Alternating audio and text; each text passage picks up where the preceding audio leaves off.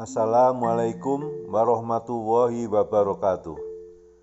Bapak, Ibu, Saudara semuanya, kali ini kita akan membahas di bidang pendidikan yaitu yang sedang ngetop di dalam sosialisasi kurikulum di mana Pak Dirjen dan para pejabat yang lain gencar mempromosikan project based learning atau pembelajaran berbasis project. Kita tahu bahwa project based learning bukanlah sebuah model pembelajaran yang baru. Project based learning ini sudah lama disosialisasikan dan diajarkan oleh para dosen, oleh para widyaswara dan sebagainya. Yaitu di dalam project based learning di sini utamanya yang perlu ditekankan adalah siswa mengerjakan sesuatu kegiatan ataupun pekerjaan yang sesuai atau sama dengan pekerjaan nyata di masyarakat. Itu utamanya di situ. Jadi bisa pembuatan barang ataupun pelaksanaan pekerjaan tertentu.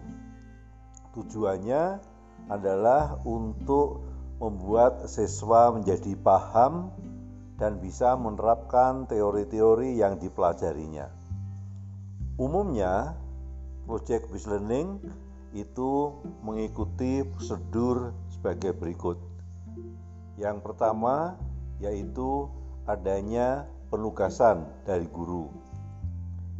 Penugasan ini bisa berupa pertanyaan sebuah masalah dan kemudian juga pemecahan dari sebuah masalah yang mana permasalahan ataupun pemecahan masalahnya inilah yang dibuat sebagai proyek. Tugas-tugasnya tugas membuat sesuatu, membuat sebuah barang, melakukan pekerjaan tertentu itu adalah sebuah proyek. Kemudian langkah yang kedua yaitu merencanakan produknya atau merencanakan proyek yang akan dibuat. Kalau itu sebuah barang, maka tentunya di sini merancang barang tadi. Bagaimana bentuknya, bagaimana ukurannya dan sebagainya.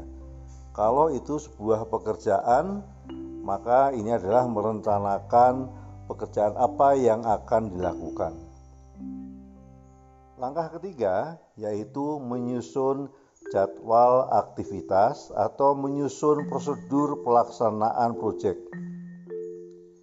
Jadi kalau itu sebuah barang, maka di sini dituliskan langkah-langkah untuk membuat barang atau kalau itu sebuah pekerjaan nyata di lapangan, maka di sini dituliskan langkah-langkah melaksanakan pekerjaan tadi.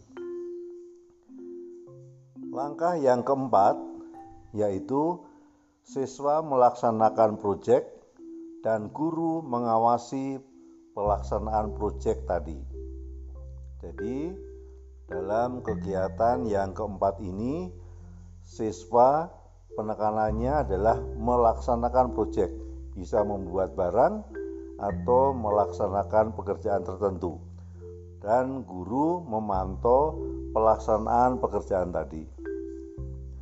Kemudian setelah selesai lanjut ke langkah kelima yaitu memberikan penilaian terhadap proyek yang dihasilkan.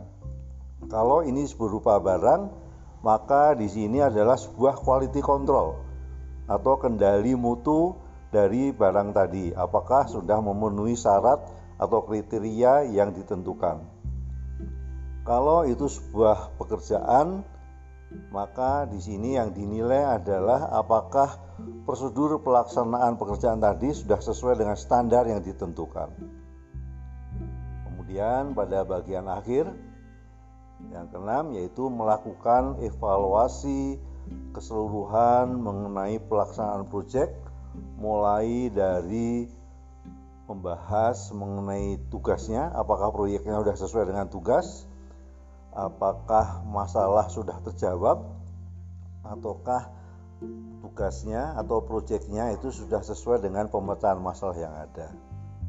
Dari sini siswa bisa banyak belajar mengenai proyek yang dilaksanakan, kemudian lebih memahami teori-teori yang pernah dipelajari dan dia kemudian bisa menganalisis serta menyimpulkan dan mengevaluasi apakah proyeknya ini banyak manfaatnya bagi dirinya sendiri maupun bagi masyarakat. Semoga pembahasan mengenai proyek building atau pembelajaran berbasis proyek ini bermanfaat. Demikian, sekian. Assalamualaikum warahmatullahi wabarakatuh.